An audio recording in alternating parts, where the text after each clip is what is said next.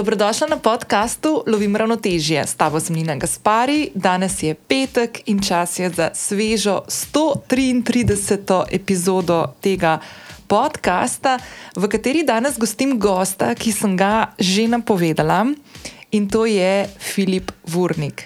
Filip je 28-letna transpolna nebinarna oseba je tudi magistr in profesor likovne pedagogike, aktivist in trener na področju človekovih pravic, posebej v povezavi z LGBTIQ skupnostjo. Trenutno upravlja prakso prostovoljnega dela Evropske solidarnostne enote na društvu Parada Ponosa in je v teh dneh še posebej zaposlen z vsemi dogodki, ki se bodo ravno na današnji dan, če to poslušaš v realnem času, začeli odvijati v sklopu parade ponosa, eh, ki bo eh, se zaključila naslednjo soboto z tradicionalno povorko skozi Ljubljano. Filipa sem spoznala, ko sem nekje v začetku leta iskala sogovornice in sogovornike za okroglo mizo, ki sem jo vodila na letošnji konferenci za odnose z javnostmi v Protorožju, kjer je bila rdeča nit pristnost in kako jo v življenju spodbujamo in živimo. In priznam, da sem v to področje ogriznila izključno in na začetku samo zaradi svoje zelo sebične želje in potrebe po tem, da se tudi sama izobrazim o različnih spektrih, segmentih in področjih. Um, skupnosti, ki jo praktično ne poznam, oziroma jo poznam, ampak ne dovolj, da se izobrazim o stvarih, o katerih se danes tudi s Filipom v tem pogovoru pogovarjava, o razlikah med biološkim in družbenem spolu, spolnih identitetah, spolnih vlogah in spolnem izražanju. Uh, Filip je na tem področju odličen sogovornik, ne samo zato, ker živi to življenje uh, z vsemi izzivi, lepotami, stiskami in um, pogumom, ki ga mora usmerjati v to, da živi svojo pristnost, ampak tudi zato, ker veliko svojega časa in energije in znanja in izkušenj usmerja tudi v to, da ljudem, ki prihajajo za njim s podobnimi zgodbami, pomaga, da grejo skozi. Uh, odločitve, izzive, uh, mogoče ali hitrejšem tempu, ali pa na mogoče lažji način kot kdo drug, ki tega, te pomoči ni imel. Um, v klepetu, ki ga danes lahko slišiš v nadaljevanju, uh, se skozi iskren in zelo pogumen pogovor um, zarišajo tisti ključni okviri za razumevanje naše družbene raznolikosti. Jaz se spomnim, ko sem bila še študentka na fakulteti za družbene vede in sem pisala za časnik Finance, to sem v prejšnji epizodi, ko smo se s Tino Lamovšek pogovarjali, tudi omenila um, je bila ena od. En, eden od člankov, ki sem ga, ga pisala in bila napotena na nek dogodek, da poslušam govorca, uh, se ravno dotika te raznolikosti. In mi je ostal ful v spominu dogodek, ki ga je vodil Olivero Toscani. Uh, to je znani italijanski fotograf, ki je, mislim, da več kot 20 let delal in ustvarjal za znamko Benetton, tudi tiste najbolj provokativne kampanje, ki so. Uh, zelo veliko burnih reakcij um, doživele po celem svetu. In on je takrat rekel en stavek, če tako parafraziram, da kako dolgočasen bi bil svet, če bi bili vsi na njem enaki. In jaz v vsakem trenutku tega pogovora, ko smo se s Filipom pogovarjali, pa smo se zdaj, po mojem, že četrtič, petič. Um, Se točno tega, mislim, da se v nobenem pogovoru, bolj kot v tem, nisem počutila, um, da res je pomembno, da imamo to v mislih. Uh, Um, druga stvar, ki pa je, je pa to, da čisto v vsakem pogovoru, konkretno s Filipom, um, jaz ne nehno pri sebi izvajam en tak check-up, um, kako meni Filip da tudi za misel skozi debato. O tem, kdo sem jaz, kako sebe dojemam, uh, kako dojemam svoje različne vloge, ki jih igram v življenju. Konec koncev mi je postavil eno tako, že prvič, ko sem se dobila eno tako vprašanje, ki na prvi pogled, ko ga slišiš, se zveni tako zelo enostavno in, in, in tako si misliš, pa da je Nina, kvatle kompliciraš, to je res nekaj ful najbolj enostavnega. Ampak dejansko, ko pa enkrat ugrizneš v to in začneš razmišljati, pa ugotoviš, da je tako zelo, zelo kompleksno, multiplastno. Uh, in dejansko, tako kot Filip v tem pogovoru pove, m, nam pokaže, da je vsak od nas tako posebna oseba uh, in da si vsak od nas zasluži najprej, da sami sebe slavimo in potem tudi, da, nas, da, da vsi drugi slavimo druge. Tako da um, zdaj, sodeč po odzivu, ki ga je naš pogovor v Portorožju na tej PR konferenci sredni, v sredini maja 2022. Uh, dosegu in število vprašanj, ki so se pojavljala že med samim pogovorom, aplauzom, ki sta jih doživela in Filip in Katka Bogataj, ki je bila druga sogovornica, um, sem dobila še eno tako dodatno potrditev, no, da je prav, da naslavljamo te teme, da jih odpiramo. Um, Da dobimo pogled v to, s kakšnimi izzivi se srečujejo v življenju uh, osebe kot je Filip ali pa Katka ali pa jaz, konc koncev, vsak od nas, ampak predvsem pa ljudje, ki mogoče. Um, ne bom rekel, da so drugačni, ampak živijo drugačno življenje, mogoče življenje, o katerem se premalo govori, ki nas premalo poduči. Um, da mogoče se spoznamo z izzivi, s katerimi se srečujejo v življenju, da ži, lahko živijo življenje, ki ga želijo živeti, nekaj, kar je mogoče nam, naprimer, jaz lahko za sebe rečem, nekaj samo po sebi umevnega. Um, govorijo tudi o tem, kakšen je danes položaj. Um, ljudi, uh, kot je Filip, uh, transpolnih oseb, uh, nebinarnih oseb pri nas, v primerjavi s tujino, kje smo, naprimer, dobri, uh, kje imamo še veliko dela za narediti. Uh, s Filipom govorimo tudi o tem, kako se pogovarjamo z nebinarnimi osebami, kako jih pravilno naslavljamo, um, zdaj, če so to naši prijatelji ali pa če pridejo v neko delovno okolje. Um, jaz sem ravno zaradi tega, ker imam željo sama sebe podučiti o teh stvarih še bolj um, sem se odločila, da bom v današnji zapis epizode vključila kar nekaj uh, povezav do dodatnih virov, kjer si lahko tudi ti prebereš in se podučiš o LGBTQA skupnosti, um, od slovarčka pa vse do dobrih pras, praks vključevanja uh, transpolnih, nebinarnih in ostalih oseb v delovno okolje. Um, in seveda tudi uh, link do dogodkov, ki se bodo letos odvijali v tradicionalni uh, paradi ponosa, ki se, kot sem omenila, sklene s povorko v soboto 11.6.2022 v Ljubljani. Um, v želji po tem, da živimo v odprti, vključujoči, upolnomočeni in nediskriminatorni družbi, uh, ne glede na to, kakšen je naš spol, spolna usmerjenost, spolna identiteta ali pa vera, nacionalnost, rasa in vse druge karakteristike, ki so lahko vključene v to te vabim, da danes prisluhneš pogovoru s Filipom. Uh, jaz bom izkoristila še tole priliko, da se mu res iskreno zahvalim. Um, zelo mi je bilo prijetno se pogovarjati z njim, ful mi je fajn, da smo vzpostavili en tak odnos, da mi Filip uh, ne samo da mi drži ogledalo, to predno se sploh po mojem zavedu, ampak druga stvar tudi, da me izobražuje tudi skozi to, da postavim napačno vprašanje in me tako lepo popravi, da se iz tega tudi naučim in da naslednjič naredim manj napak, ko se pogovarjava. Um, tako da to, uh, preden skočiva v pogovor s Filipom, te še kot vedno vabim, da se prijaviš, če še nisi na podcast Lovim ravnotežje, tako boš vedno obveščen oziroma obveščen uh, o novih epizodah, ki te bodo čakale na aplikaciji, pri kateri poslušaš podcaste. Vedno sem vesela tudi ocenjen mnen, ki mi jih pustiš na podcast aplikaciji ali pa si mi. Kako da vedno lahko glasiš na Instagram, na zasebno sporočilo, tam se ti bom najhitreje tudi odzvala nazaj. Uh, s prijavo dajo ocene in mnenja na aplikaciji, pri kateri poslušaš podcaste, nam pomagaš, ustvarjalcem podkastov, da za naše vsebine, ki jih tako z veseljem pripravljamo, sliši več ljudi, naprimer tebi podobnih žensk ali moških. Uh, ali pa ne binarnih oseb, to moram zdaj tudi popraviti. Evo. In tudi tokrat lahko spodaj v opisu najdeš povezavo do zapisa, ki sem ga že omenila, kjer te čakajo še številne druge povezave, ki smo jih danes s Filipom omenila v pogovoru in pri katerih lahko spremljaš Filipa in društvo Parada ponosa tudi v prihodnje. Uh, še enkrat hvala. Um, hvala Filipu, hvala uh, tebi, da boš to poslušala in blazno, blazno sem vesela, da lahko ta prostor in to naslednjo dobro uro namenim tematiki, ki jo moramo vsi malo bolj spoznati.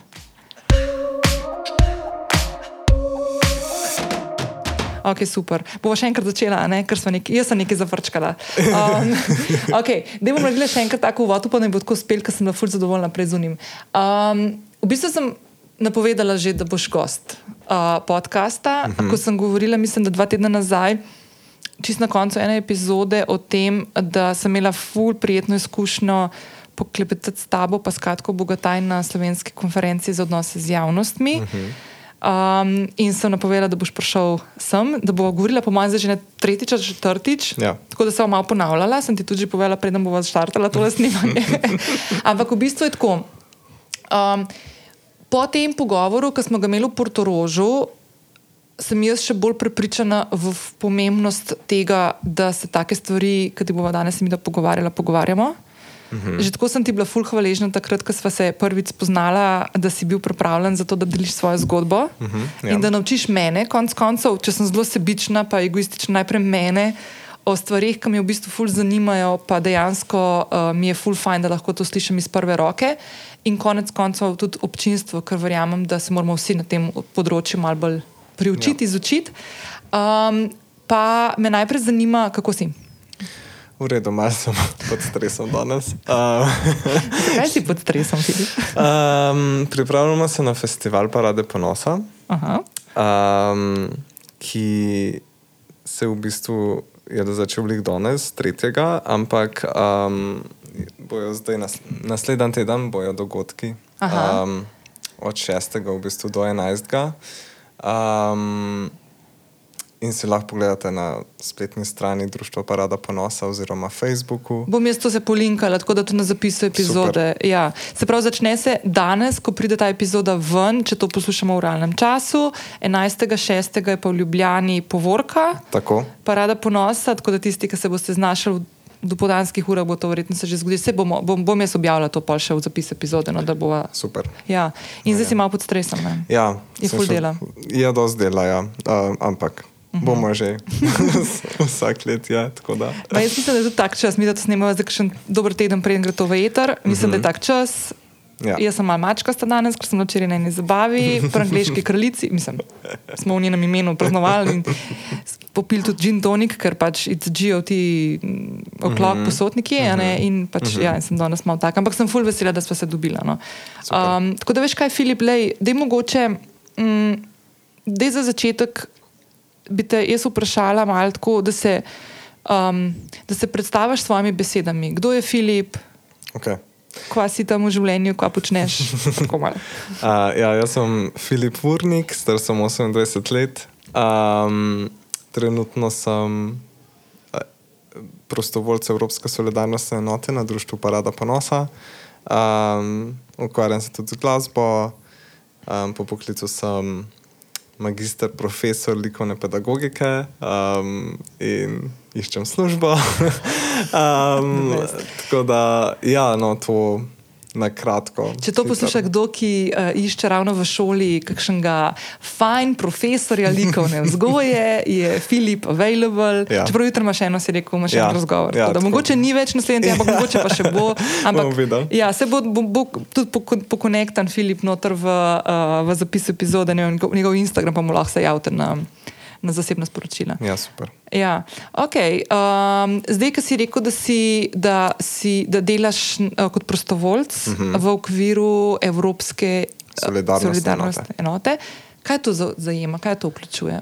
Um, torej, ta Evropska solidarnostna enota je v bistvu. Um, Financirana iz strani Evropske komisije, ki v bistvu se fokusira na mobilnost mladih. -hmm. To se pravi, to prostovoljstvo, ki ga jaz upravljam, v bistvu ni za res prostovoljstvo, ker dobim neke povrnjene stroške in mm -hmm. žepnino, tako rekoč. Mm -hmm. um, tako da bi jaz rekel, da je nekje med redno zaposlitvijo in prostovoljstvom, mm -hmm. in v bistvu je namenjen temu, da mladi um, lahko dobijo neke delovne izkušnje. Um, tudi mhm. izven svoje države. Jaz sem ostal sicer v Sloveniji, ampak. Um, mhm. ja, A si ostal v Sloveniji tudi zaradi COVID-a, takrat ali mogoče? Um, A si hotel? Jaz sem v bistvu ostal tle, ker se drugi niso načjavali. Jaz sem okay. pa dobo povabilo iz Društva Parada Ponosa, tako da sem pol sprejel, ker je bil jih tak timing. Da, Aha sem rabo nek dohodek. In,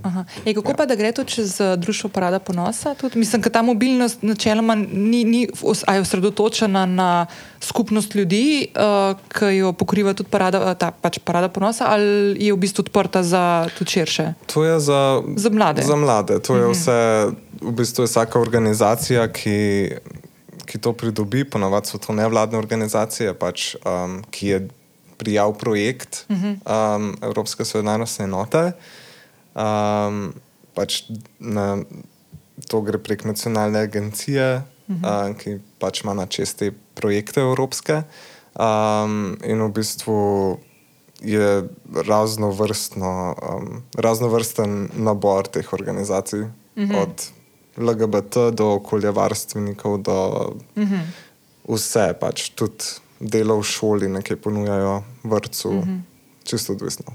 To mi je fulj zanimivo, ker se mi zdi, da se v zadnjem, sploh v zadnjem času tako fulj. Um, Ful se posluša to, veš, to problematiziranje teh nevladnih organizacij, pa kje je ja, kje ne. To. In se mi zdi ful dobro poudariti to, da so v bistvu en kup enih nevladnih organizacij, ki se ukvarjajo tudi širše od svojih konc koncev teh ključnih, naprimer, mogoče osredotočen pa tem, ki jih pokrivajo, plus ne, da se v bistvu nevladne organizacije v veliki večini ukvarjajo s, tisti, s tistimi stvarmi, ki bi se človek želel, da jih mogoče tudi kakšne inštitucije pokrivajo, ja. pa v bistvu pa ta velik del tega pade v bistvu na nevladne organizacije. Ja, ne. tako je. Ja. Ja. Um, Filip, kako si se ti znašel?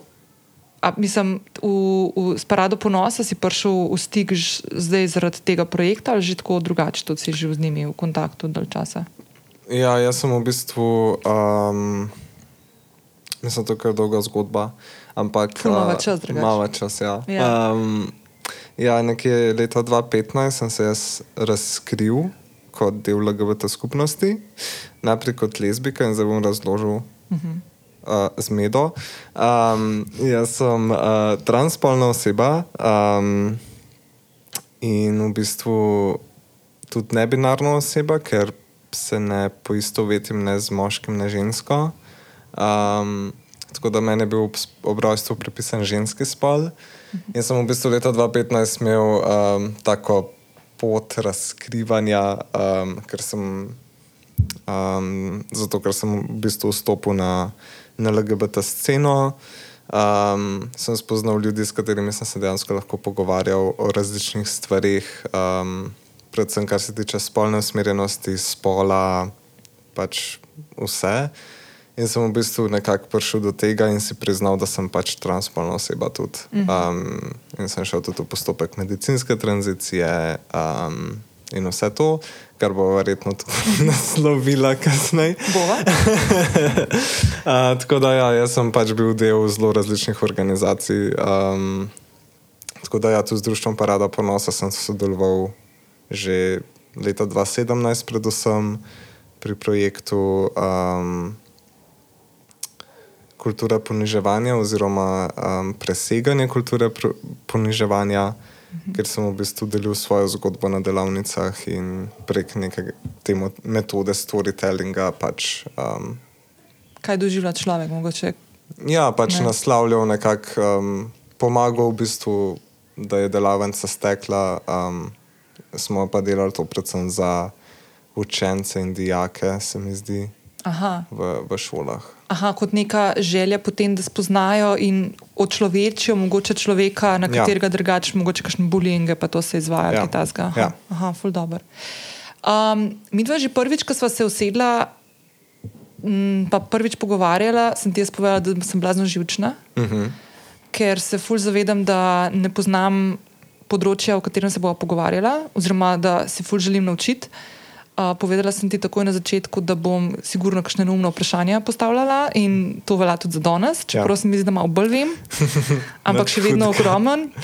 Ne, ampak čisto povem, zato ker se mi zdi to ful pomemben del tudi za te, ki zdaj poslušajo, da če se znajdejo v takih situacijah, pa ni nujno, da zdaj z osebo, ki je mogoče ali transpolna, ali nebinarna, ali, ali, ali gre za geja, ali gre za lezbijo. Ni, uh -huh. ni vedno povgojeno samo z neko spolno identiteto ali pa spolom ali dojemanjem uh -huh. tega, ampak in general, tako v življenju. Uh, da se mi zdi, da je full fine, da se malo pogovarjamo o tem, da ti včasih mogoče kakšno stvar neprijetno in da to je prav, da pol greš v take pogovore, da se kaj naučiš, da si odprt za te stvari in konec koncev po drugi strani tudi pokažeš neko svojo ranljivost s človekom, s katerim se pogovarjaš. In mogoče tudi pokažeš, da je to čem kaj zasrala, mm -hmm. ne mhm. bom zato, ker hočem tebe prizadeti, ampak zato, ker ne vem. Ne? Ja. In se bom ful pustila tebi, da me podučiš. Ja. Okay. Zdaj, ena stvar, ki si jo omenil, uh, si povedal, da pa prijem prijeva na to transpolno nebinarnost. Uh -huh. ne? si povedal eno uh, zadevo, ki si jo meni prvič, ko smo se usedla, in to je ta besedna zveza, da ti je, bilo obrojstvo, da ti je bil obrojstvo dodeljen spol deklice. Se pravi, ja. ne da si se rodil kot deklica. Ja. A mi lahko razložiš, zakaj je pomembno, da se na tak način opredeli? Um, ja, tukaj je uh, v bistvu je v zadju naslavljanje um, biološkega determinizma. To pomeni, da um, to je pač neka miselnost, oziroma ta vera v to, da je pač vse izhaja iz narave in vse je biološko, in vse pač to je, pač da je narava oziroma biologija nek nedotakljiv, nedotakljiv mm. steber življenja ali karkoli. Kar pač, um, če bi bilo to res. Um, ne vem, če bi imeli, ne vem, zdravila ali pa pospeševalnike srca, ki ti dajo pač, um, mm -hmm. vse noter. Pač, se mi zdi, da je človek več kot samo biologija. In pač pri tem, nas, pri tem jezi, jeziku, um, pripisam spolo obrojstva ali pa rodil sem se kot -hmm. punca ali pa kot fant, se jih naredi ta sprememba in sicer, če jaz. Um, Če rečemo, da, da mi je bil pripisan spol, pomeni, da je družba se zmotila pri meni uh Mhm. -huh. in v bistvu je krivda na strani družbe, ker je na podlagi svojih stereotipov, pričakovanj, pač meni dodelila neko vlogo družbeno, konc koncev, ki mi enostavno ne ustreza. Uh -huh. Če pa rečemo, da sem se rodil kot punca, um, pa pomeni, da sem se jaz v bistvu zmotil, uh -huh. ker sem šel proti naravi in je z mano neki. Narobe. Ne? Ja, na robe, v temeljih nekje. Um, in je pomembna ta neka čist jezikovna razlika, pač, da, da je pač krivda ponavadi v normativih. Um, kar je v bistvu, um, se mi zdi, da se lahko aplicira na več področji. Mogoče se bom spomnil kakšnega bolj. No, da, če se spomniš, se lahko skočiš. Ja. Ne, se to ja. mi je ful dobro, veš, ker v bistvu je tako. Zelo zanimivo mi je, ker smo ljudje smo narejeni tako, da moramo popredalčkati stvari. Ponavadi, uh -huh. pri večini stvari v življenju, vsakodnevno, imamo dva predala. ne. Ja. Imamo črno-belo, že, že pri teh stvarih je zelo težko, nekateri, tudi jaz sem imela s tem ful težave, da čisto tudi v razpoloženju, ali sem bila vesela ali pa sem bila žalostna. Teh Ja. sivine vmes, teh vseh odtenkov, ki so, mm. sem se mogla priučiti tega, da nisem bila vedno ali ful nahajpana ali pa zelo v bedu. ne. Ja. In se mi zdi, da tle, kar se teh spolov tiče, če se ti rodiš, naprimer, kot sem se jaz rodila, mm. cis ženska. Ja, tako, ja. No, to tudi ful naučila. Cis ženska se pravi, da sem se rodila in mi je bilo v rojstvu mi je bil dodeljen uh, spol punčke. Ja. In se popolnoma um, v redu počutim v svojem telesu, in nikoli nisem imela nobenih, um, da bi se ujela, naprimer, da se ne počutim dobro. Ok, pustimo mm -hmm. zdaj, da se ne počutiš dobro, ker ne vem, Ja, ja, ja. neke bulšiti v primerjavi veš, s, takimi, ja. s takimi stvarmi, ki si se ti ukvarjal. Ampak, naprimer, enemu takemu človeku, kot sem jaz, je včasih tako zelo težko, ne, ne težko razumeti, si ne more predstavljati, v bistvu, kaj to pomeni. Mm. In zdaj, jaz se spomnim, ko smo se mi dva prvič pogovarjala, si ti meni ful dobro vprašanje postavil, ki se ga še zdaj tako postavljam, mm -hmm. tako kar pogosto. In si rekel, to je tako, kot če bi jaz tebe vprašal, kaj te pomeni ženskost. Ja. In jaz sem na takrat tako šitne. V bistvu nekaj drugega mi vsak mesec drugače, ali pa vsak teden, ali pa Ja. nekaj čist drugega mi je danes odgovoriti na to vprašanje, kot ne vem, pred štirimi leti, ko sem bila še tako ful taka trda, pa jaz tako na pol, ne na pol moško dojemanje, ampak zelo sem imela to poudarjeno moško energijo in sem mm. se mogla priučiti ženskosti Ja. in nežnosti. Ja. In mi je v bistvu to mi je bilo tako najbolj tako, da sem znala razumeti. Mm -hmm. Pa si mi pa še eno stvar povedal, da ti je zdaj malo pomagala, ker se mi zdi full fajn tudi to, da poveš. No. Zato, ker to okay. mi je taka informacija, ki se mi zdi, da ljudje, ki nismo imeli nikoli takih misli ali pa občuti pri sebi, uh, si ne znamo niti predstavljati, kako ljudje kot si ti. Kdaj začnejo pri sebi opazovati, veš, ali pa, ali pa začutiti, da je nekaj drugače, kot naved, v navednicah ne bi bilo. Ja. In to si ti ful dobro povedal, meni je to- meni je takrat to ful sezul. A bi delil to, kdaj si tako prvič imel? Um, ja, ko sem bil star tri leta, se mi zdi. um, ker sem v bistvu čakal, da mi zraste penis. Noro. Nismo še imeli biologije, ja, ampak uh, ja. Pa, je to mogoče eden od tvojih prvih spominov? Ja, meni se zdi, da je dost, um, Ja, ne? dost eden izmed prvih. Ja. Ker mene zanima, ker se spomnim prvega mojega spomina, je bil tam nekje tudi okrog četrtega leta, oziroma neke bežne, ki sem še hotela iz posteljice zbežati, ko sem še manjša. Ampak to je tako. Ampak dejansko se pa spomnim tam, ja, četrti, tretji, četrti. In po mojem, če imaš tako, tako neko močno tako stvar, je zelo možno, da je, da je neka zadeva ki je povezana z nekimi prvimi. Ja. Danes, ko se spomniš Ja. ja. nazaj.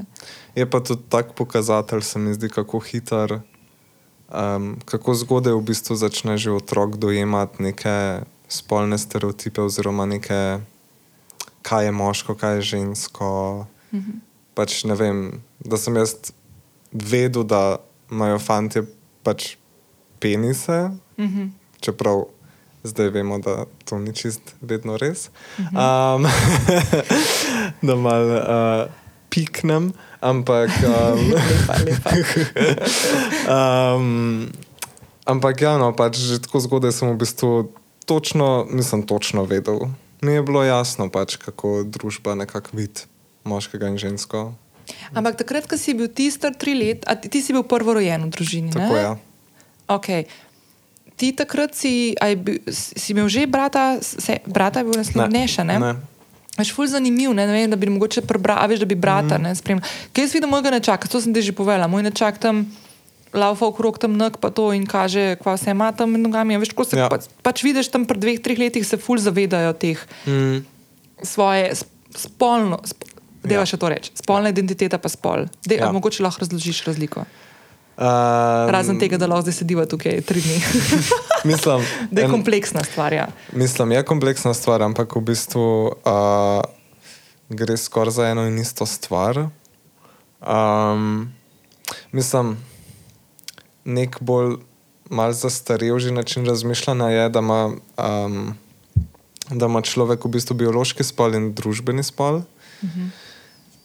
Ki se v bistvu spet nanaša na tisto, kar sem prej govoril, na biološki determinizem, ker je pač ta biološki spol, ok, vsak človek ima nek, neko telo, ki je pač ali moško ali žensko. Kar, mm. kar če se mogoče, se bo kakšen iz medicine lahko tudi strinjal z mano, ampak že tako v teh um, nekih naravoslovnih vedah um, se vidi, da so telesa v bistvu bolj različna, kot kar mi dojemamo, da so mm -hmm. pač. Um, in, ja, in je to biološki spol, in pa je družbeni spol, ki mogoče bi lahko rekel tudi spolna ident- identiteta, ki je v bistvu nek, nek skupek pričakovanj družbe, kaj bi nekdo, ki zgleda kot moški, recimo, um, mogel delati. Oziroma, to je neka družbena vloga, v bistvu, um, ki je v bistvu skupek nekih pričakovanj in stereotipov. Ampak spolna identiteta in spol, se mi zdi, da sta to dva izraza za eno in isto stvar. Mm -hmm. Ker ima vsak človek ima spolno identiteto. Mm -hmm. Um, pač recimo tudi, ko, tran, ko, ko govorimo o transpolnih ljudeh, je večinoma, ne vem, se govori izbrano ime ali pa v angleščini je preferred name, torej nekaj, kar, um, kar preferiraš, ja, v bistvu. Mm -hmm. Ampak v bistvu ni to naš preferred name, to je naše ime. Pač. A to je naprimer Filip. Ja. A to misliš kot ja. ime? Kot ja. osno- ja, ja, aha, kot, okay. kot pač, ker si izberemo svoje ime, mm -hmm. ponovadi. In um, ja, v bistvu je to naše ime, ni to nekaj, kar mi zdaj izberemo, ok, to je boljša opcija, ampak je pač mm -hmm. to naše ime. To je pač to. Je to. In to je tudi ime, s katerim ti želiš, da se te naslavlja. Ja, in mimo grede, če sam smem, uh -huh. veš, jaz, na primer, odkar te poznam, mi na misli, ni, fulno menih vprašanj sem imela. In tudi kakšno stvar te nisem še vprašala, ker se mi je mogoče še zdelo tako malo too much. Bom down the line, daj. Ampak okay. uh, ne, veš kaj, tako uh, mi je bilo ful zanimivo v Portorožu, ko smo bili, ker je nekdo vprašal, kako pa je bilo te prej ime. In je bila to edina stvar, na katero nisi hotel odgovoriti. In meni se je zdelo to ful Mene je ful zmotilo to vprašanje. Tako ful, sem, tako ratala, ful mi je bilo všeč, da si takrat tako ful lepo rekel, ker sem že na začetku rekel, na kakšno vprašanje mogoče pa ne bomo odgovorili. In to ja. je bilo to vprašanje. In meni je bilo ful všeč, ker si tako zelo prijazno, spoštljivo nazaj rekel, da to pa ne boš povedal. In jaz sem takrat, če ne bi ti tako reagiral, sem bila že kar malo pripravljena na te zaščite. ker se mi je več videl, pa se nisem pogovarjal o tem, ampak se mi je zdel tako ena ta, mogoče. Ne vem, no, se mi zdi, da tako, jaz sem mogoče to tako vzela, kot da si ti en, en del tistega časa, ko si, ko si imel tisto, bom zdaj tako rekla, mogoče na robe identiteto, da si, jo, da si nekako zaprl tiste vrata in postal človek, ki si želel vedno biti. Mm -hmm. A veš? Ja, mislim, po eni strani je tako, ja. je pa tudi um, res, da, da nikoli ne bom zanikal prejšnjega dela mm -hmm. življenja oziroma vse ne pač ta del življenja me pripelo do te točke, zdaj, da, imam, da snimam podcast z Nino mm -hmm. Gaspari. um, tako da ne, imam tudi tatu za svoje staro ime. Ampak um, ne vem, pač se mi zdi, da je to tako vprašanje, ki v bistvu. Ne vem točno, kaj, čemu je namenjeno. Kaj je namen? Ja. To, je, to so isto kot ta vprašanja, ko so ne vem, ko je neka oseba noseča in rečeš, da bo fant ali punčka. In ja. pač ne glede na to, kakšen je odgovor, je reakcija, o, kako cute, ali pa ne vem, kako lepo. Ampak kaj ja. je pa ja. res namen? Ali pa recimo, ja. mogoče nek tak primer, ki je mogoče malo bolj razumljiv, ne vem, ponavadi. Pač, recimo, če je nek par, kjer je ženska zraven in se poročita, ponavadi ženska pa zamenja priimek. Mm -hmm. Ne vem, se verjetno je, je čustvena re, reakcija na stari priimek, recimo, čist drugačna, ampak mm -hmm. ne vem, če bi jaz nekoga vprašal, kaj bi pa to je ta star priimek, ne bi vedel čisto točno, kaj je point mojega vprašanja, da jaz zdaj ja. to vem, kakšen je njen priimek bil. Ma jaz mislim, da je tako mogoče. Veš kaj, mogoče je tako, jaz kako provam gledati, pa brez da bi zdaj hotla tisto gospod, ki je čist prijazno hotla, pač firpcanje. Ja, ja, ja. v bistvu, veš, in se mi zdi, nič narobe s tem, ampak se mi zdi, da tako neki taki debati. Ali pa temu, kdo si ti danes. Veš, mm -hmm. tisto, tisto, kar je bilo vprašanje, ne, ne, si, ta, ta odgovor ne bi bil nobene teže. Ja. A veš, ne? Mislim, mene, na primer, fulbol zanima. Pa ti zdaj tako odpiram, lahko mi rečeš, ne, ni na to pa nočem govoriti. Ampak veš, kaj me fulbol, na primer, zanima? Kako je izgledalo tako tvoje odraščanje. A veš, mm -hmm. kako je izgledalo tvoje odraščanje? Mogoče tudi tako, uh, v družini, pa pol šola, pa ta čisto ta primarni krok, veš tam, kaj si, rodovca, ja. gorenska, ja. pa smo še ugotovili, da so skratko tam, da so praktično ja. soseda bila. ja. um, ja, kako je to izgledalo? Veš, kako, kako, kje, kje si imel ti tukaj izzive? Jaz si, na primer, sploh ne predstavljam, da bi mogla take stvari, da to življenje skozi. Sploh ne vem, kako bi zdaj prijela, pa seveda, ker nimam pač tega izziva tudi, mm. veš, za sabo. Ampak tako, kako je to izgledalo, kaj so tiste stvari mogoče, ki so te zaznamovale ali pa so ti konec koncev pomagale, da si šel pol tudi v ta proces. Ne? Mislim, jaz sem bil, um, se mi zdi kot otrok in tudi kot najstnik zelo tak zasanjan. Tako da sem v bistvu na nek način živel kot neko dvojno življenje. Ker se mi zdi, da je bila skozi prisotna ta misel, da okay, ti nisi punca, ti nisi punca. Um, samo je bilo tako rezervirano bolj za nek ta domišljijski svet. Mm -hmm.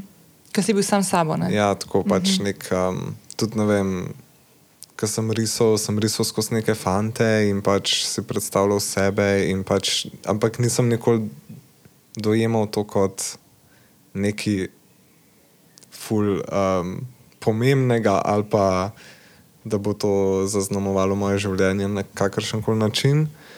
Um, moja okolica je bila pa zelo v bistvu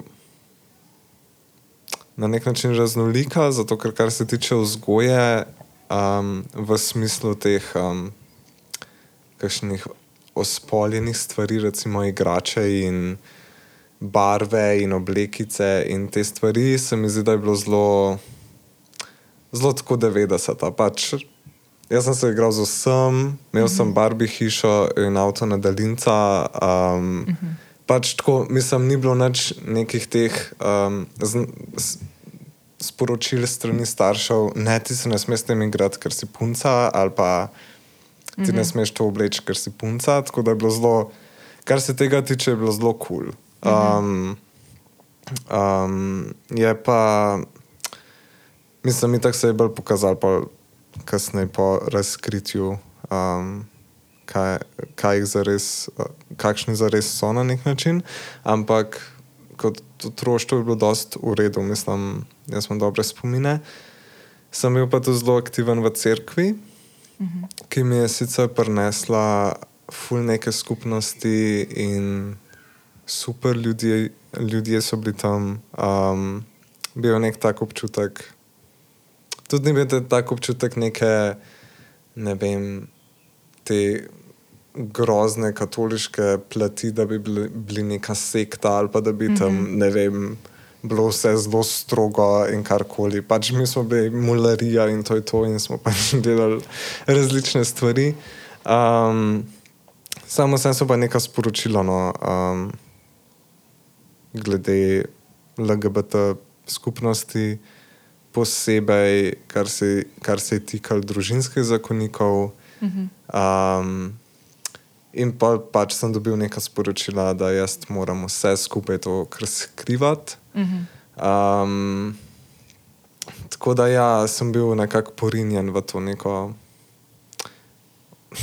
samoto na nek način. No, ampak se nisem niti tako zavedal, um, uh -huh. da je to dejansko kakšen problem. Zdaj, ko za nazaj gledam, vidim, da,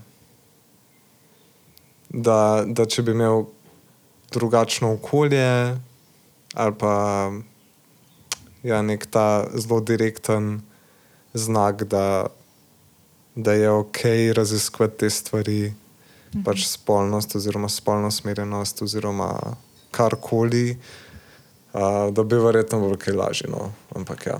A se ti spomniš, da si prvič izven tega svojega.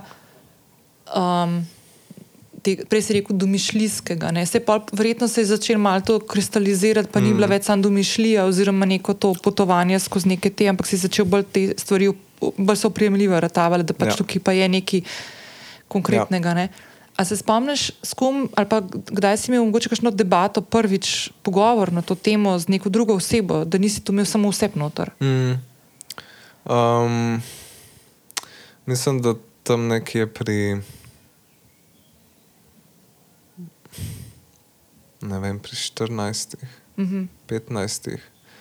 Um, ja, v bistvu je bil to eden od prvih pogovorov z eno pač kolegico. Mm -hmm. um, sam ne vem, fule, ne vem, tako je bilo malo. Pač se mi zdi, da je sprejela dober, ampak mm -hmm. ne vem, nikoli nisem zares več se pogovarjal z njo. Um, ker to so bila tudi leta, ko sem imel zelo intenzivne um, kraše na predvsem ženske. Um, in je bilo, mislim, da smučno. No. Mm -hmm. Mislim, jaz sem, jaz sem z, nekom, z neko punco recimo, se ful družil in pol mi je ratalo ful všeč in pol nisem vedel, kaj narediti. In mm -hmm. je bil tak heartbreak after heartbreak, mm -hmm. ker nikoli nisem niti pač povedal za res te stvari. Um, mm -hmm. Sem pa nekako imel skozi nek, neko skrito željo, da, da me vidijo bolj kot tipa, kot ne. In eden izmed največjih komplimentov je bilo, ko so eni fanti, enkrat, lih iz te mladinske skupine, uh, so, ne vem, nekaj smo pospravljali, se mi zdi, in so nekaj rekli, da to je za punce, ali ne vem, nekaj tasga neki tasg v tem smislu, na na na za punce. Mm -hmm. uh, in sem se jaz fulsko zbunil, malo, čeprav nisem zares premišljal jaz o teh stvarih takrat, mm -hmm. da pač kaj ne. Uh, in so mi pa, pa, pa so mi rekli. Ne, se tebe tako ne dojemamo kot punco. Aha, in ti si bil takrat zelo vesel. Ja, v bistvu sem bil dosti ja. vesel. Um, ampak to je bilo še kar par let prej, preden sem zares, zares dojel. Ker ti si mi v bistvu, um, se si tako na začetku tega pogovora tako rekel, um, da si v bistvu na začetku, prej si omenil, da si bil lezbika. Uh mhm. -huh. A veš, in um, Se pravi, a veš, tako ful je zanimivo, ker nisi imel te, bom rekel tako, ali podpore ali pa okolja, ki bi te spodbujalo k temu raziskovanju. Se pravi, da si najprej sebe dojemal, čeprav si že pri treh letih Ja. vedel, da nekaj manjka. Ne? Um, ampak je zanimivo, da si se vse še tako. Mislim, to je tako, ful je zanimivo poslušati nekomu, ki, a veš, ko, k, k, spet ne. Jaz zdaj tako ful padam v to zelo klasično, to, čak, kako zdaj, kako. To spet to polarizacijo in to binarnost, ne, sprav. A Ja. je to ali je pa to, ne more biti zdaj nekaj drugega. Ne? Ja. In da je mogoče tako mal, um, kako, kako je pa ta prehod pa se zgodil? Veš, da v bistvu, a si ti tako kdaj, mislim, si ti tako se identificiral kot lezbika Mhm. nekaj časa in potem kasneje delal ta prehod, ali, ali kako je to zdaj? Ker da, da umestiva malo to nebinarnost notrno. Ja, A veš? ja, ja. ja. Um, mislim, jaz sem pač do tega pol prišel do sploh nekega iskrenega raziskovanja v bistvu na faksu, Mhm. kjer smo imeli tudi pri enem predmetu. Um, Ne vem, enkrat neko delavnico, neke osnove LGBT. Um, jaz sem v bistvu zares lahko takrat razmišljal o vsem tem. Um, ja, in v bistvu. Ja, najprej ne vem. Jaz sem mislil, da je pač biti transpolna oseba nekaj najhujšega na tem svetu. Um, na srečo sem saj vedel, da Salome obstaja. To Aha. sem vedel že cel življenje, pač ker je bila ful. Ker hvala Bogu se je Ja. pojavila v medijih. Ja. Ja. Malo o tem, kako je pomembno, da tudi tako Ja. pridejo taki posamezniki. Ja. Sicer je bilo pač, um, zdaj ko za nazaj gledam, je bilo zelo grozen v medijih, ampak mm -hmm. um, mi je pa dala to mm -hmm. neko zavedanje, da to obstaja. No? Um, ja, in v bistvu sem pa videl edino rešitev, da sem lezbika, zato ker tudi biseksualno sem dojemal. Zelo tako, 50% so ti všeč ženske in 50% so ti všeč tipi, mm -hmm. čeprav tudi ni zares tako. Mm -hmm. Ampak uh, ja, sem bolj tako lezbika, ampak se nisem zares, nikoli nisem zares pač začutil tega mm -hmm. termina ali karkoli. Um, tako da je pol pa, ja. Sem to je verjetno zaradi tega, ker si ti že od samega začetka svojega življenja praktično se počutil, da nisi Ja, ja, ja. zelo zbanaliziran v ta pravi teles, ali Ja. kako koli zdaj Ja. tako rečemo. ne? Ja. Ja. ja. Aha, ja. Um, ena zanimiva stvar tukaj, ki si Salome omenil. Ne? Salome um, je v bistvu dala skozi, um, v bistvu urala ledino v slovenskem medijskem prostoru svojo življenjsko zgodbo in jaz sem full vesela, da se je to zgodilo. Tudi, no, čistko, ker tudi mene to zelo zanimivo bilo spremljati, kot čisto v našem okolju. Ampak ona je naredila iz, iz, druge, iz druge smeri. ne. Uh, mm -hmm. Sprav, ona je bila uh, ob, ob rojstvu, je bil dodeljen spol dečka. Tako. In potem se je odločila za uh, postopek uh, medicinske transformacije. Ja. Ne? Tranzicija. ja. Tranzicije, pardon, tranzi, tranzicije in je postala ženska. In ti se spomnim, ko smo se mi na prvič dobila, si mi tako v luči tega, ker smo se pogovarjali, kako družba opredeljuje spole in kako še vedno se čuti ta moški spol, da je nekako v navednicah več vreden ali pa dominanten mm -hmm. nad ženskim. Da posamezniki, ki se odločijo za to, za to pot, kot je od Salome, da imajo še več izzivov, Ja. doskrat, kot naprimer, če se ti odločiš v tej smeri, kot si se ti, Ja. da si danes trans moški. Ne, sem ne Trans- oseba. Opa, sorry. No, vidiš, evo, evo ga. Okay. Ne, ja, Ampak- Filip je nebinarna oseba, ampak če ne bi bil nebinarna, če ne bi imel tega, pa če, Salome je, je trans ženska. Tako, ne? ja. Okay, Sprav gledaš iz tega, kar je danes, to sem hotel reči. Ne? Ja. To, kar je danes, identiteto, ki jo, je, ki jo želi, s katero se Ja. ja. predstavlja, to je Ja. tisto, kar uporabiš. ja, Okay. tako je. Ja. Ja, mislim, jaz nisem trans moški, ampak obstajajo. Ja. Ja. Mislim, je, to je zelo kompleksno, ja, zato ker vidimo spol kot dva, Dva pola. Ja. dva pola. Uh, ampak se to že razbije s tem, kar si ti v bistvu prej rekla, da kako ti definiraš to, da si ženska. In se to spremenja vsak mesec. In to se spremenja verjetno pri vsaki osebi, ki se identificira kot ženska, kaj je to za njo ženska. Kar že v bistvu lahko rečem, da je vsaka ženska na tem svetu svoj spol. V bistvu. Tako da že tle se poruši ta binarnost, se mi zdi. Um, tako da ne binarnost pa v bistvu sam še bolj izpostavil to, da pač je zelo težko v dve skupini vse nas ljudi um, razvrstiti, ker je to zelo nerealno in mislim, tako pač zelo osko. Um, ampak ja, pač ne binarnost razložiti na preprost način. Um, v bistvu jaz sam pomeni, da obstaja več kot dva spola. Um, in pač, da jaz rečem, da sem ne binarna oseba, isto kot če bi rekel, da sem trans moški. Recimo. Pač mm -hmm. ne binarnost je moj spol, kot je moški mm -hmm. spol in kot je ženski spol. Mm -hmm. To je najbolj simpel. Ja, pa smo zdaj iz dveh smo naredili tri. veš, ne, ne, ne, ja, ne, to je ja. zdaj ta logika. Veš, ja, ja, ja. Zdaj smo naredili tri kategorije. Ja. Ja, ja, ja. Ne, ne, ne, pač ni tako simpel. Um, Uh, eden izmed najbolj takih sloganov trans skupnosti je, da spolov je nešteto. Um, kar se v bistvu predvsem veže na to, da čisto vsak posameznik definira svoj spol. -huh. Pač ja, družba ti lahko reče, ti zgledaš kot moški, -huh. ampak tvoja definicija je, po mojem, čez drugačna kot od tretje osebe. Recimo. Ampak, veš, zdaj, ki si to rekel, pa z, povezano s tem vprašanjem, ki si ga ta prvič mi postavil, kako jaz definiram svojo spolnost, uh, svojo ženskost.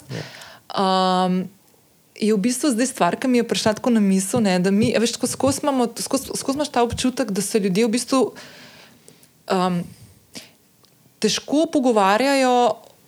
Na, na tem področju, zato ker ne, prvič ne razumemo tega, zato ker nam je to klastrofak razmišljati, kako zdaj dva, ne dva, ne, kako, kako zdaj kar nekaj po svoje. Ne.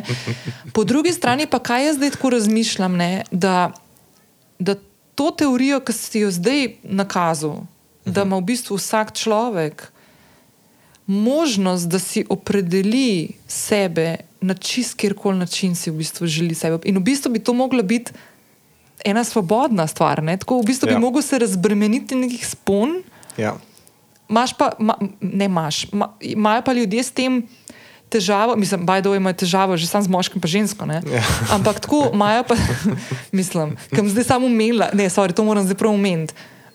Ta teden, mislim, ko to snimava, so na valu 202, ne vem, če si to slučajno ujel, so v nebulozah uh, šli na ulice Ljubljane in sprašvali mimo idoče, uh, kdaj je človek nespodobno oblečen. Uh -huh. In moški in ženske, ki so jih ustavili, so šli vsi na žensko, kdaj je nespo, nespodobno oblečen. Tudi eden ni umenil moškega, uh -huh. prva stvar. Druga stvar, za moškega je bilo, ne, če pokaj so pod vprašanje, kdaj pa je moški, aha, ko je prešvicam, pa ne polikan, ali pa ki pride v trenirki v parlamentu službo, ali pa v službo. Uh, ženske so pa uh, visoke, če, visoke čevlji, fulminice, uh, dekolteji, barve, ne vem kaj več. Ful je tega in naprimer se mi zdi, da tako družba, kolikor smo enega napredka naredili, ne, pa nekega mm. tega eh, refleksije družbene, smo še vedno tako zagamani v določenih stvarih in to, kar ti zdaj govoriš. Ne, se pravi, ti, ki me vprašaš, kako ti definiraš svojo ženskost, ti meni pustiš polje, da jaz povem s svojimi besedami, kdo jaz sem na tem ja. področju. In je to nekaj fulebega. Ja, vse ne? to je, mislim, problem je, da ja, na eni strani. Mislim, se, jaz sem tudi upet v ta sistem. Jaz nisem noč zmagal na nobeni uh -huh. uh, spolni loteriji in sem neobremenjen s svojim videzom in spolom in spolnimi stereotipi. Pač še zmeraj sem, zato ker mene družba, ker še zmeraj vidi vse binarno, a ne mene družba vidi kot moškega, ker zgledam uh -huh. tako. Razen tega, da imam nelakirane nohte včasih. Ampak. Um, to ima tudi Tomi, si dar, te že 30 ja. let. ja, recimo. Sam jaz imam včasih druge barve, ne sem črno. Um, ne, hitam se, ampak. Um, Sam da se najdem. Um, Ja, pač še, še vsem sem v teh sponah, ampak um, se mi zdi, da ja, pač transpolne osebe, se mi zdi, ali pa tudi transaktivizem na eni strani kaže na to, da je lahko, da je, da je spol pač nekaj, kar nas vse okleščuje na nek način. Mm -hmm. Pač ne spol kot spol, ampak vse, kar pride zraven, ja, vsi spolni stereotipi, vsi pre, vsa pričakovanja. Um, ampak na drugi strani nam pa pač. Stereotipi so pač zato, da nam dajo neko varnost ne, do neke mm. mere, zato da vemo, kaj pričakovati, ali pa karkoli. Pač se mi zdi, da, da, da niso povsem tako slabi, ampak um, nas večinoma časa dost omejujejo. omejujejo ja. Mislim, se meni zdi, da te stereotipi vedno bodo, ne? vedno bodo v družbi. Problem nastane, ko se začne te stereotipe zlorabljati mm -hmm. za razno razne interese, Ja. z namenom, da. Pa, pa to ni samo v, v skupnosti uh, LGBT, ne? tudi širše. Ja, ja, ja. Konec koncev tudi ženske ali pa nac- pri nas bolj nacionalne, verske, mogoče ne tako rasne, ker nismo tako še vedno bogata, rasno, rasno raznolika družba. Ampak se mi zdi, da takrat, ko začnejo te stvari um, oduzemati nekomu tiste pravice, ki jih ti pričakuješ, da jih imaš zase.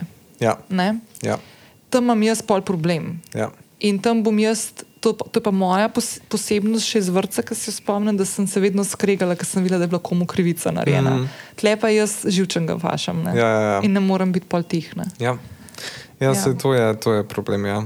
Um, Ker se to pač ja, res izrablja. Ej, kjer stvar ti mogoče tako vidiš, um, da tako najbolj seka ven kot neko nerazumevanje do ljudi, kot si ti v družbi? Kaj je tista stvar, ki mogoče tako.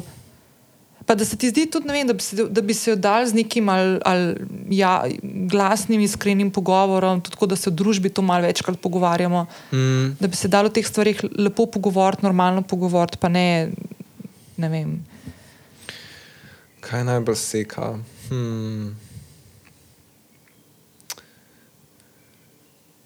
Mislim, hkrati se mi zdi, da to najbolj seka, ali pa je to edina stvar, ki sem se jo spomnil, ampak um, je pa tudi najtežje za naslavljati in je lih ta biologija, Uh -huh, ta biološki determinizem.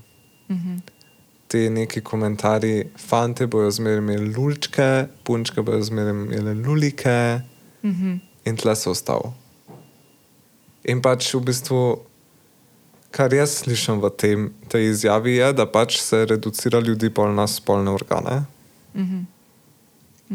Um, recimo, to je ena stvar. Pač ta biologija, to je uporabljamo. Pač ni biologija, se mi zdi najbolj izrabljena za vse te neke argumente. Tudi v bistvu konc koncev za splav, se mi zdi. Pa, pa vse te neki hormoni, pa čustva, pa, Pa PMS. pa PMS, pa uno tretje, pač vse, mislim. Ja, to se kaže na to, enih ravneh. Um, ko hočeš zreducirati nekega človeka, oziroma kontrirati, oziroma karkoli, ker ne, ne vem, če se. Zdaj sem verjetno se ful zaplezal, ampak ta biologija me res razjezi.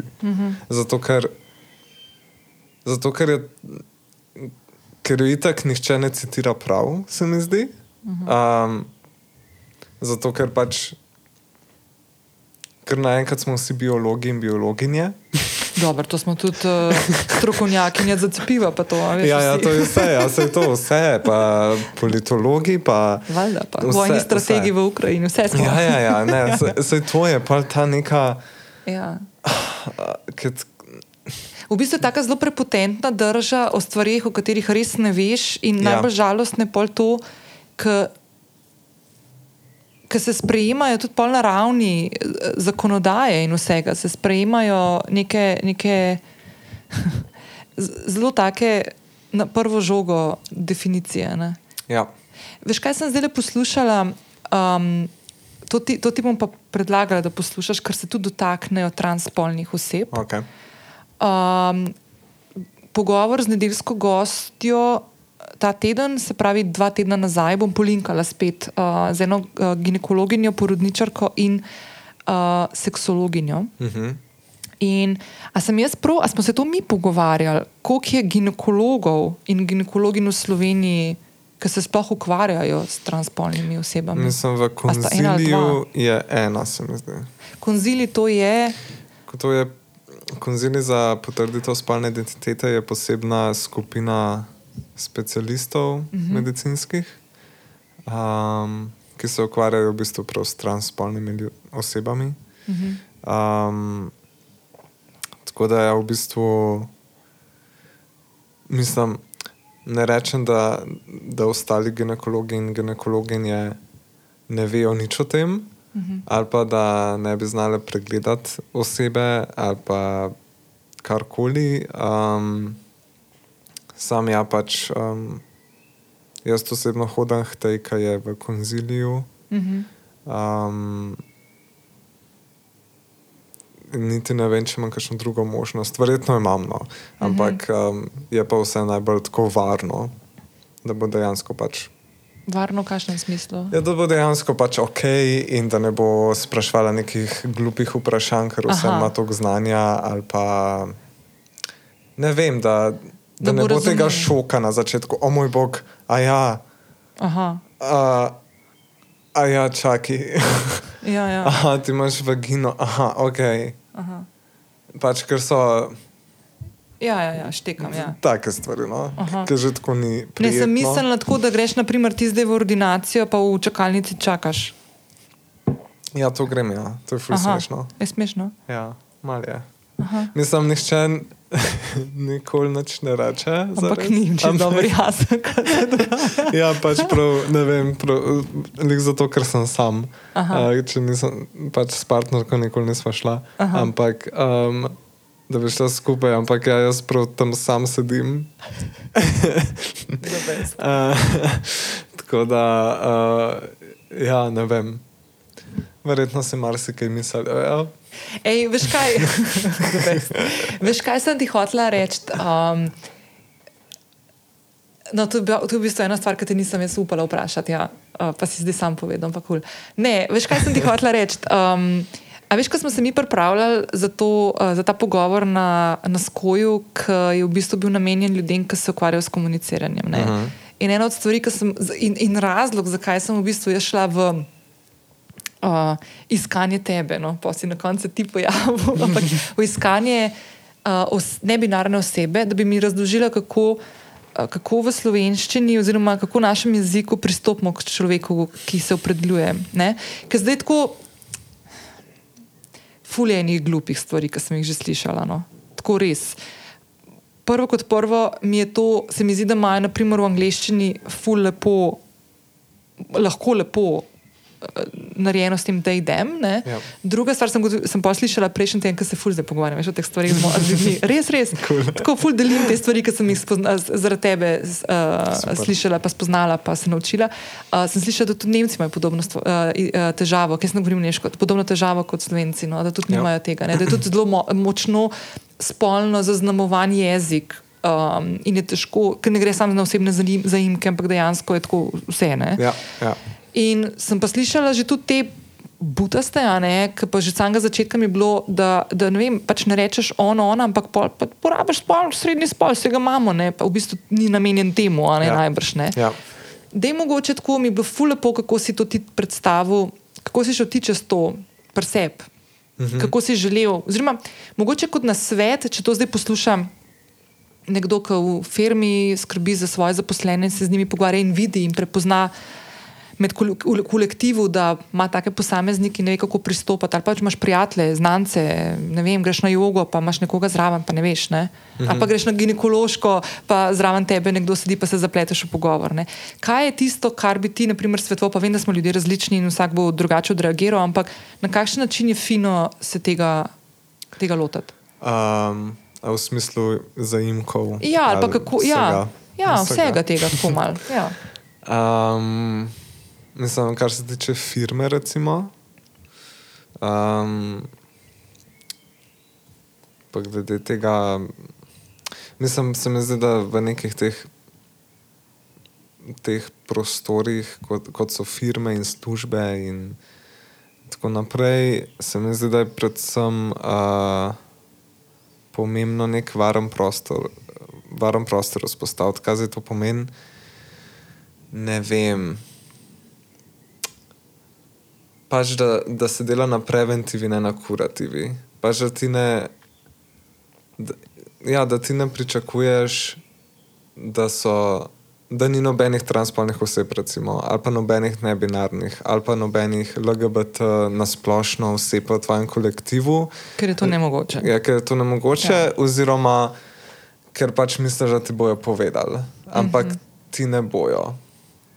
Mislim, ne bojo ti, če uh, ti kot vem, šef, recimo, ali pa menedžer, ali pa, pač karkoli. Um, Zato, ker pač tišina ponavadi pomeni strinjanje z drugo stranjo. Mm -hmm. Recimo v tem, smi v tem smislu za homofobijo, mm -hmm. transfobijo.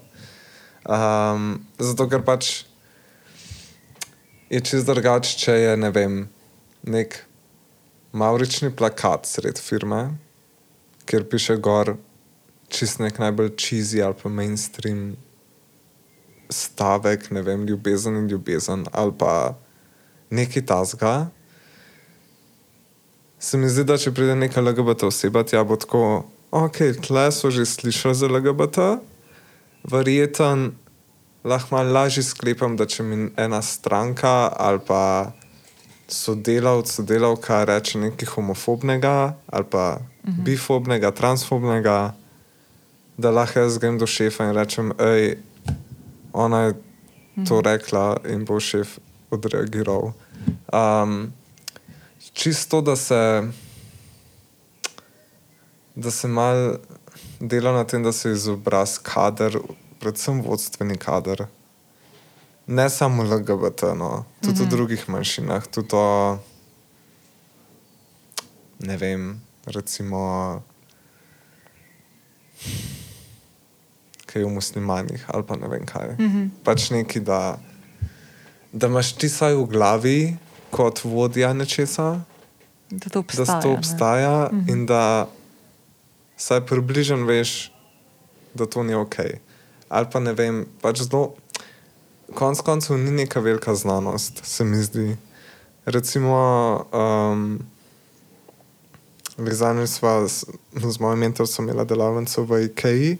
Mm -hmm um, ki je naredila za dobro akcijo. Mm -hmm, to je bila zdaj za... akcija, ki je bila zunaj. Mm. Mm -hmm. um, in smo se v bistvu tudi pogovarjali o tem, da je že za varen prostor potrebno samo to, da ne vem. Če se skupina sodelavcev pogovarja o vikendu, kaj so delali čez mm -hmm. vikend, in pol en ti reče, da ja, mi dva s fantom, svola pa ne vem, na veliki planini. Da je pa reakcija na to, da ni nič. Mislim, da je reakcija na to, oh, kako pa je bilo, pač to, kar vprašaš. To, ponavadi vprašaš. To, kar ponavadi, ja, je bilo ja. vreme kul. Cool, ja, ja, ja. Ker ponavadi se pač nekaj zgodi to, da ali je pa neka neprijetna tišina, ali pa pol še dodatno se kar izključi to osebo, ker je pač tako neprijetno, da ne moreš uh mhm. -huh. niti pogledati več te osebe. Uh mhm. -huh. Pač ne vem, neke te stvari, samo tako, da se mal. A se tebi zdi tako, a se tebi zdi tako, naprimer, kako bi se ti, naprimer, zdaj, ko si rekel, da se naredila spet isto, da iščeš službo, uh mhm. -huh. okay. Naprimer, a bi tebi bilo ure, ok, če bi ti prišel zdaj, naprimer, na razgovor, ja. pa naprimer bi se zmenil za službo. Ja in naprimer, dobiš zaposlitev, imaš prvi razgovor tist, in naprimer, bi te tvoj bodoči šef oziroma šefica uh, vprašala, kako želiš, da te nagovarjajo. Ja, A bi bilo tebi kul? Cool? Uh -huh. Ker meni se tukaj zdi, naprimer. Zadnjič, ko smo bili tam v Protorožju, je ena, ena gospa podelila iz občinstva to, da so imeli na banki primer enega komitenta, ki je zamenjal spol mm. in so mogli vse na novo narediti. In, in, in je rekla, da to v bistvu da, niso pripravljali na take stvari, na take primere. Ne? Pa jaz verjamem, da to ni bil prvi. Ne? Ja. In tudi ne, definitivno ne zadnji. Ne?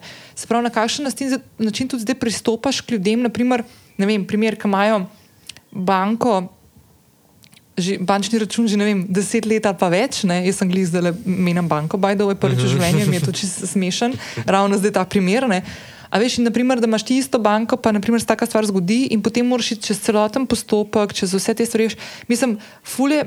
Se ne vem, kako bi bilo lažje to narediti, ampak veš, da tako narediš to neko človeško uh, spremembo, ne? da to pač se dogaja je med nami, a veš, ni to zdaj neka Ja, ja. vesoljska ladja, ki je prišla iz ne vem kje. Ne? ja, mislim, da pač. Se mi zdi, da v takih okoljih, kot je banka, ki si predstavljam, da pač nisem pač nikoli delal v banki, ampak verjetno, ko se zaposlijo, se spoznajo z različnimi scenariji, kaj se lahko zgodi. ne. Verjetno sprememba priimka, pa imena je verjetno čist logična. Podobna stvar pol, ne? Ja, v bistvu je, mislim, sem tako, da, da bi nekako delal na tem, da pač se ozavesti te stvari, da ja, je možnost, da pride ena ne vem, oseba, ki je že 20 let tam in v bistvu je potrdila v bistvu nek drug spol.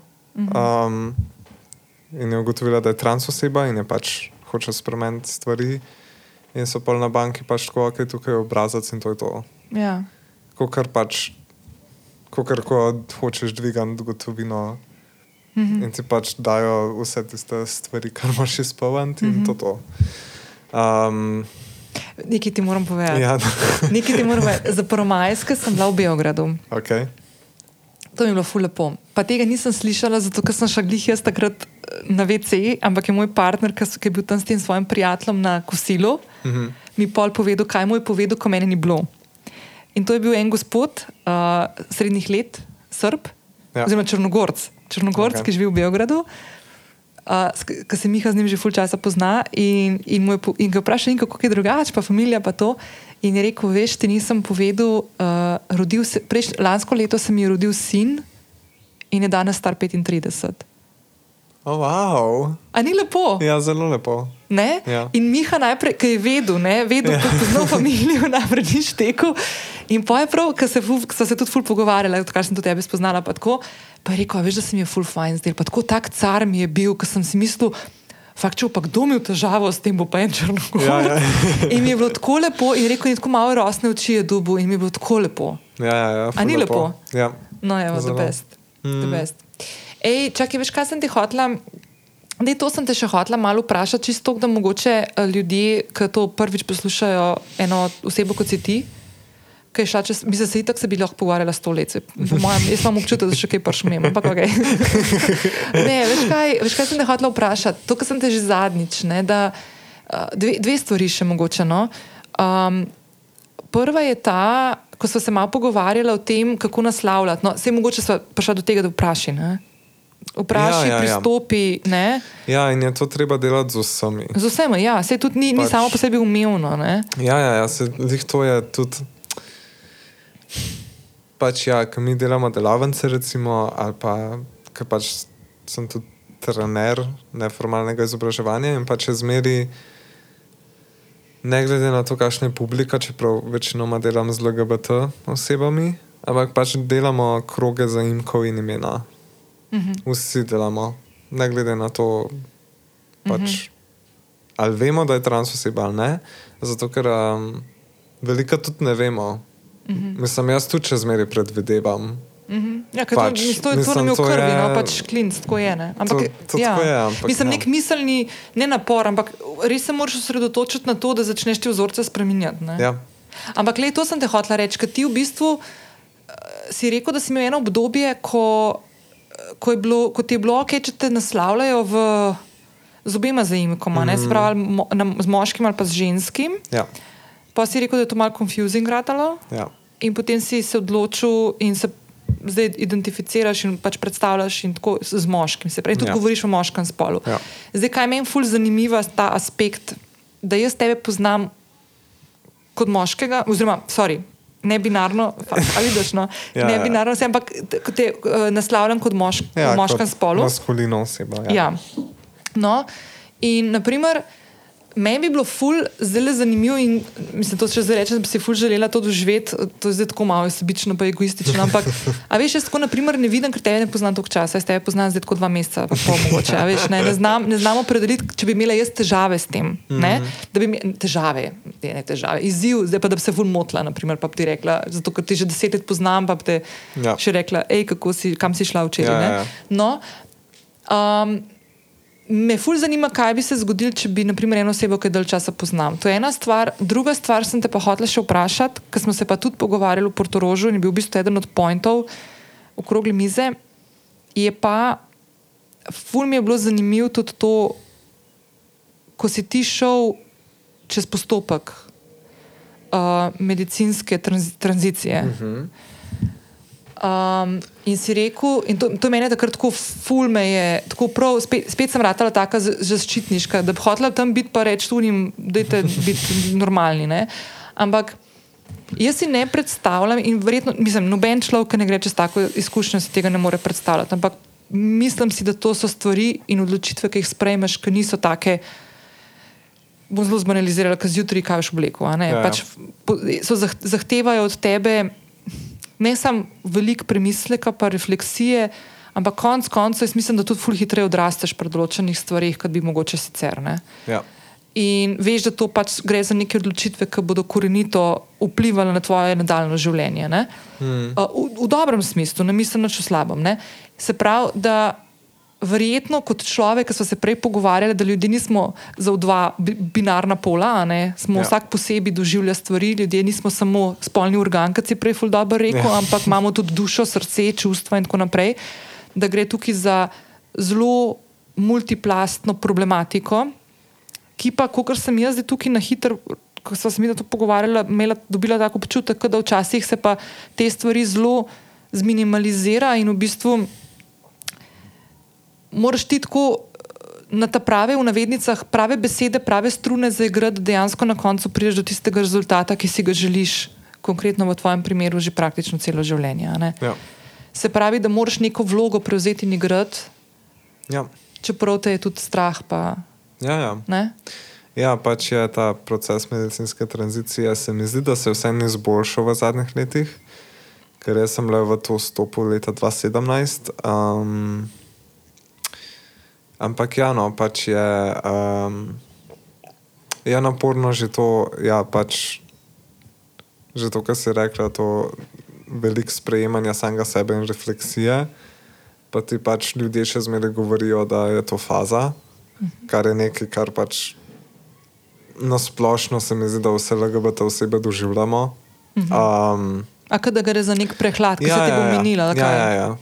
Tako da ja, pač treba fajtati skozi tudi s tem, uh -huh.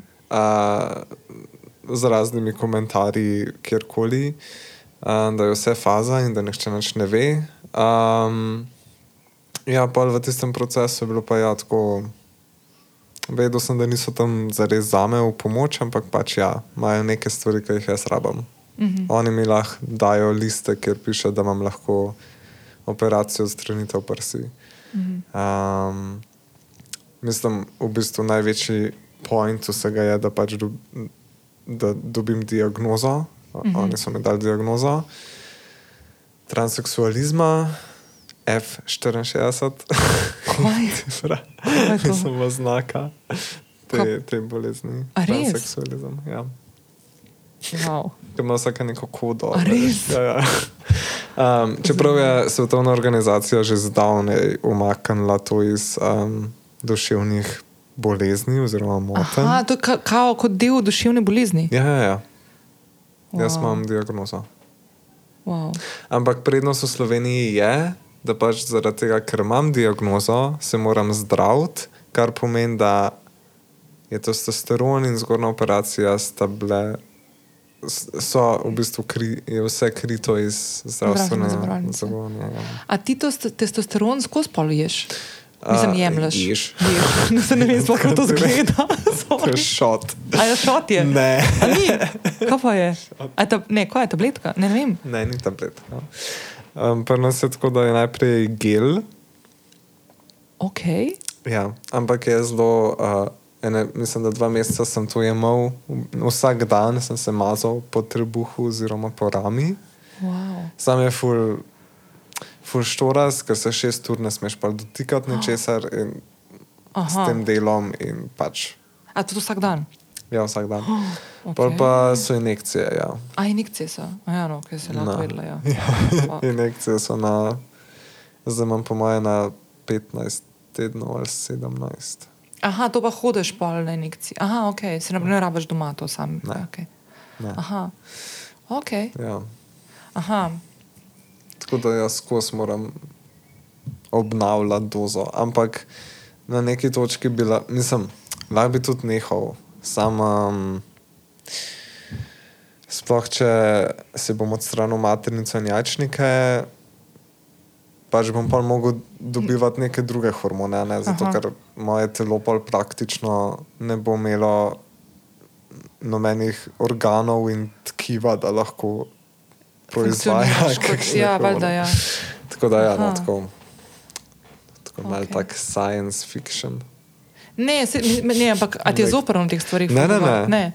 Um, ne, ampak mi je tako, to, to se pa nisem pogovarjala. Ne? To Mhm. mi, mi je fulj zanimivo, ker jaz te, na primer, nisem hodila te stvari spraševati, no? ker mi je tako, se mi zdi tako fulj intimno. No? Ampak je pa tako, kot so prej omenila, naprimer, salomene. Ja. A veš, da greš iz, iz moškega v žensko, ti si šel kontra smer. Um, je v bistvu greš lahko več stopensko, pa se samo odločaš, kdaj pa kaj ne. Ali, Ja. pa, ali, pa, ali pa ne, ne? Ali Ja. pa da ne greš uh, celoten postopek. Ne? Ja, ja spoh, nekatere sploh ne grejo Mhm. noč. Okay. To je čisto odvisno, to je toliko zgodb, kot je trans oseb. Um, pač vse niti nočejo medicinske tranzicije, um, nekatere ne grejo, ker se ne upajo, ali pa niso dosto polnomočene, nekatere pač jim je čisto vse en in so tako, mm -hmm. jaz vem, kdo sem in ne rabim nič drugega. Mm -hmm. um, tudi to ni res, da bi vse trans osebe zelo sovražile svoje telo. Mm -hmm. recimo. um, Ker se mi zdi, da je to tak stereotip, mm -hmm. predvsem v nekih teh starih hollywoodskih filmih. Ker je to res... vedno tako predstavljeno, da ja, Ja, se ja, ja. pogleda v gledalo in da ne ve, kdo Ja, je. ja, ja. Ja, ja, ja, ja, ja. Seveda je to Lahko zelo, pomembno. ja. lahko zelo pomembno in resnično, seveda, ampak ni pa res, da, da, vse, da mi vsi pač trpimo vsakeč, ko Mhm. vidimo svoje telo ali pa karkoli. Tako da je zelo različno. No. Zelo različno. A je kakšna taka stvar, ki bi si ti želel, naprimer, a pa tako? Ne vem, jaz imam tako več občutek, doskrat, da je naša družba tako zelo, eh, zelo tradicionalna. Po eni strani zelo tradicionalna, pa vidiš malo druge, pa, pa se ti zdi, da mogoče pa ni tako zelo bed, da lahko bi bilo še slabše. Ampak a, a so kakšne take stvari, mogoče v tujini, ki bi jih lahko tudi mi se mal prenesli ali pa navlekli? Mogoče kakšne stvari, ki so pa dobre v primerjavi s tem, kaj se ne vem v tujini dogaja. Veš, da ne bomo zdaj sam na tem področju. Ja, ja, ja. Mislim, da mislim, ena velika prednost v Sloveniji je to, da je um, finančno pač krito, več ali manj. Mhm. Um, ta medicinski proces.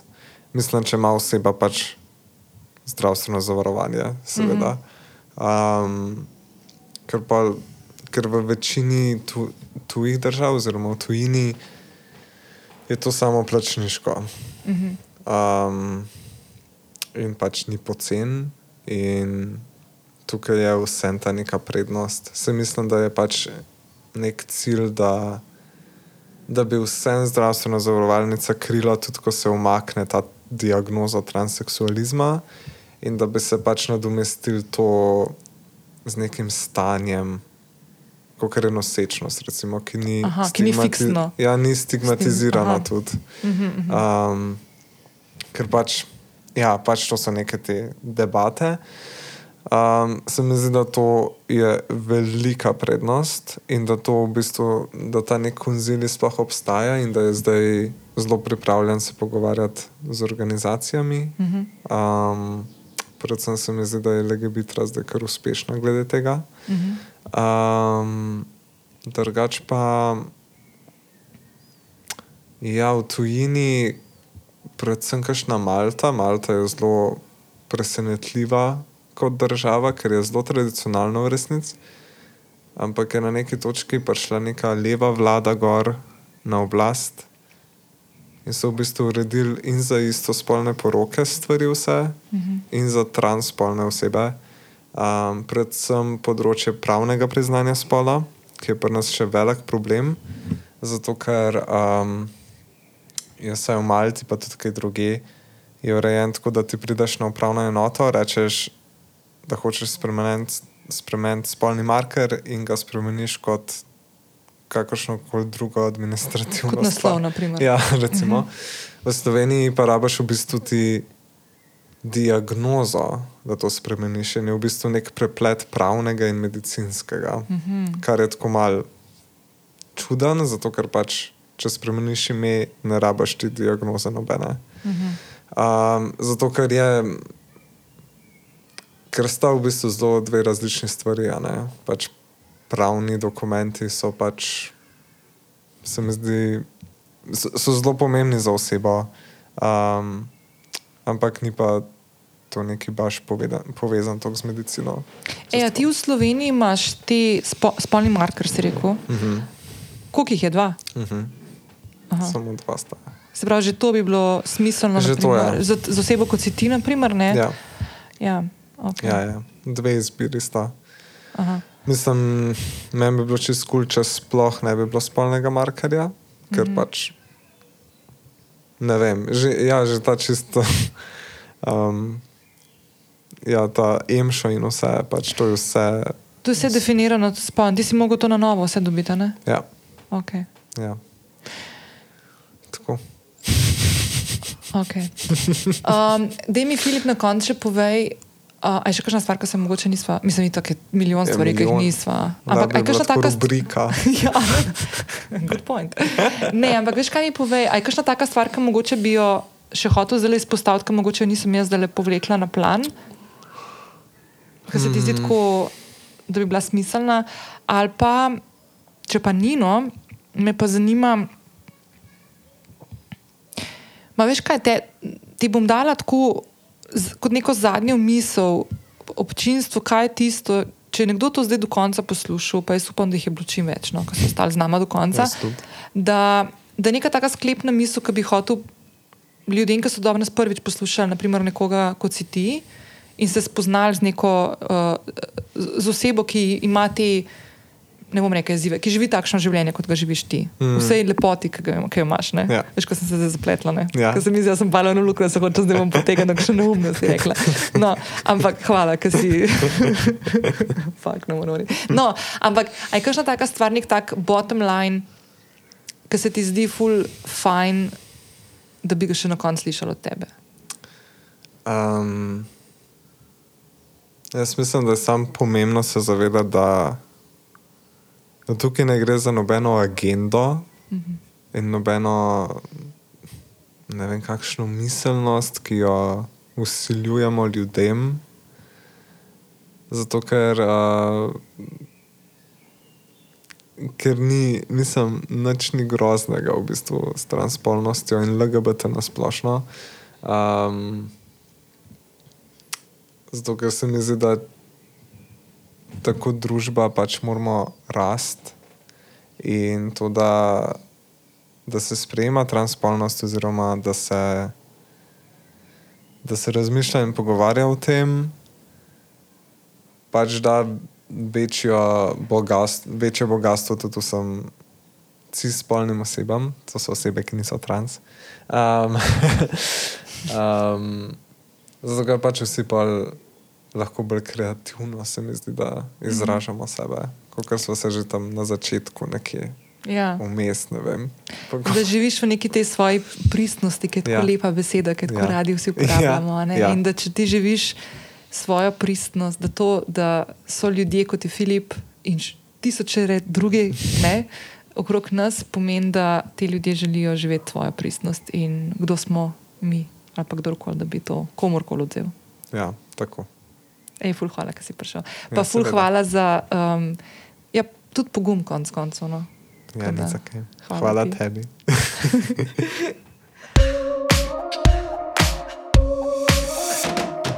Hvala, da si ostala oziroma ostal z mano do konca.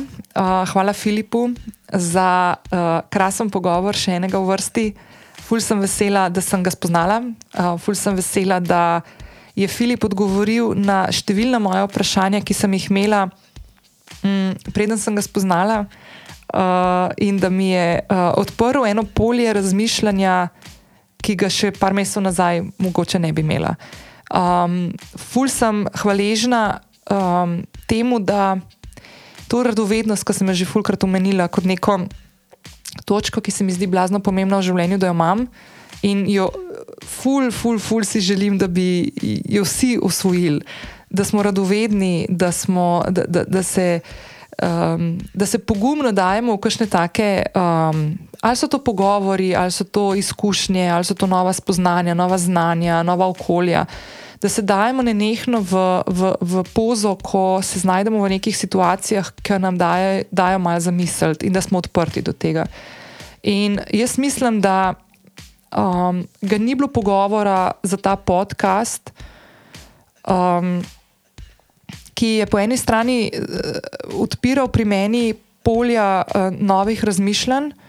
Uh, pa spoznan, da čeprav imam občutek, da, oskrat, da imam zelo odprte misli, uh, me je ful med pogovorom metali iz enega, iz enega uh, predala v drugega, ko sem si hotela poenostavljati stvari, ki jih je Filip govoril. Uh, in se potem srečala s poznanjem, da je treba to spustiti, da stvari niso črno-bele. Um, in sem ful vesela, ker mi je dal ful velik za misliti. Um, in to je bil ravno cel point tega, tega pogovora, in, in tega, da sem v bistvu šla iskat sogovornika, kot je Filip. Um, tako da še enkrat hvala vsem, ki ste bili z nami do konca. Um, in jaz se fulj veselim še dodatno takih tem odpirati tudi v prihodnje, ker se mi zdi, da, um, da so potrebne, da moramo kot družba se naučiti um, živeti v neki taki harmoniji, kjer vsak lahko živi življenje, ki ga želi živeti, in da se naučimo kot družba uh, sprejemati vse nijanse človeka, ki jih imamo okoli sebe, um, in da vsakomur, vsakomur privoščimo tisto, kar privoščimo sebi v življenju. Uh, in s to mislijo uh, te pustim danes uh, v petek uh, ali katerikoli drugi dan, če to poslušaš uh, uh, kasneje.